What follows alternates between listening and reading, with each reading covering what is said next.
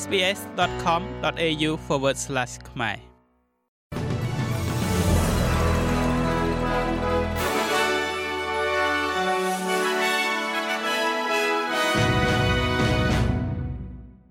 សូមស្វាគមន៍មកកាន់នេតិព័ត៌មានខ្លីៗរបស់ SBS ខ្មែរសម្រាប់ថ្ងៃអង្គារទី14ខែវិច្ឆិកាឆ្នាំ2023 សេតវិមាននិយាយថាមន្ទីរពេទ្យនៅហ្គាហ្សាគួរតែត្រូវបានការពារបន្ទាប់ពីក្រសួងសុខាភិបាលរបស់ក្រុមហាម៉ាស់បាននិយាយថាមន្ទីរពេទ្យទាំងអស់នៅភូមិខាងជើងនៃតំបន់នេះមិនបម្រើសេវាកម្មចំពេលដែលមានការប្រយុទ្ធគ្នាយ៉ាងខ្លាំងក្លាក្រសួងសុខាភិបាលរបស់ក្រុមហាម៉ាស់នៅហ្គាហ្សានិយាយថាការរាំងស្ទះដោយសាររថក្រោះអ៊ីស្រាអែល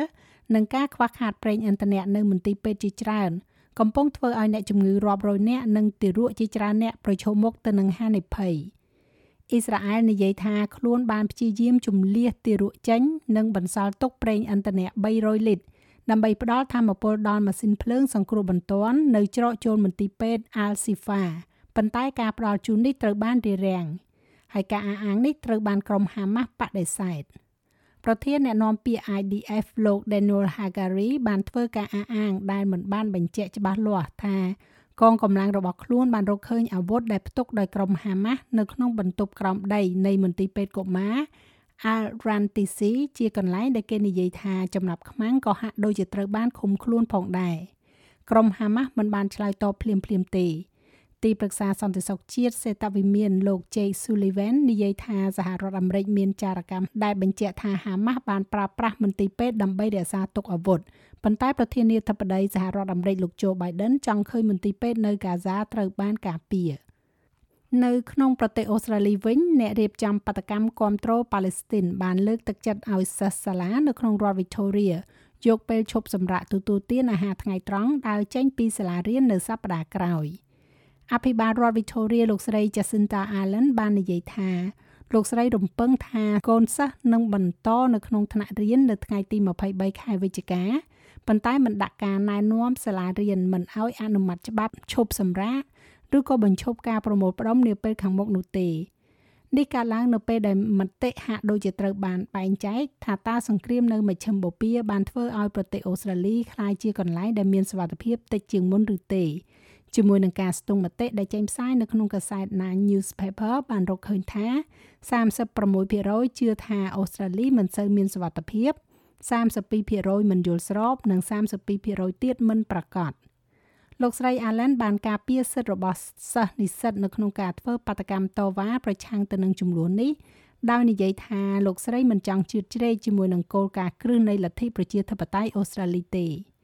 រដ្ឋមន្ត្រីក្រសួងអប់រំនៃរដ្ឋ Victoria លោក Ben Carroll មានប្រសាសន៍ថាការដាក់ទណ្ឌកម្មចំពោះសិស្សណាក៏ដោយដែលជ្រើសរើសចូលរួមក្នុងសកម្មភាពនេះនឹងស្ថិតនៅលើការសម្រេចចិត្តរបស់សាលានៅក្នុងរដ្ឋ Victoria នេះដែរអាជ្ញាធររៀបចំការប្រឡងថ្នាក់រដ្ឋកំពុងប្រឈមទៅនឹងការពិនិត្យពិច័យជាថ្មីឡើងវិញបន្ទាប់ពីមានការប្រគល់វិញ្ញាសាប្រឡងភាសាចិនខុសទៅឲ្យសិស្សរដ្ឋមន្ត្រីក្រសួងអប់រំនៃរដ្ឋ Victoria លោក Ben Carroll បានបញ្ជាឲ្យមានការស៊ើបអង្កេត បន្ទាប់ពីសិស្ស6នាក់បានទទួលវិញ្ញាសាប្រឡង VCE ភាសាចិនខុសវាកើតឡើងបន្ទាប់ពីមានកំហុសនៅក្នុងការវាយអក្សរដែលលេចឡើងនៅក្នុងការប្រឡង VCE លើមុខវិជ្ជាគណិតវិទ្យាទូទៅ កាលពីខែមុនដែលបង្កឲ្យមានការស៊ើបអង្កេតដាច់ដោយឡែកមួយនិងការសំទោសចុងក្រោយនេះតួលេខលំនៅឋានថ្មីបង្ហាញថាទីផ្សារជួលរបស់ប្រទេសអូស្ត្រាលីកាន់តែយ៉ាប់ទៅយ៉ាប់ទៅដោយលំនៅឋានដែលមិនមានតម្លៃសមរម្យ បានរីករាលដាលដល់ទីតាំងនៅក្នុងតំបន់ជនបទនិងការដំឡើងថ្លៃជួលលើសពីកំណើនប្រាក់ឈ្នួលសន្ទុះលទ្ធភាពជួលបានរកឃើញថាលទ្ធភាពជួលបានធ្លាក់ចុះនៅគ្រប់ទីក្រុងទាំងអស់លើកលែងតែទីក្រុង Canberra និង Hobart នៅក្នុងរយៈពេល12ខែចុងក្រោយនេះឥឡូវនេះតំបន់ជនបទនៃរដ្ឋ Queensland គឺជាកន្លែងដែលមានតម្លៃសមរម្យបំផុតនៅក្នុងប្រទេសអូស្ត្រាលី នៅពេលប្រៀបធៀបប្រាក់ចំណូលទៅនឹងតម្លៃជួល។ មេដឹកនាំគណៈបក Green គឺលោក Adam Ben មានប្រសាសន៍ថាការកើនឡើងថ្លៃជួលដោយគ្មានដែនកំណត់គឺជាផ្នែកដ៏សំខាន់មួយនៃបញ្ហានេះ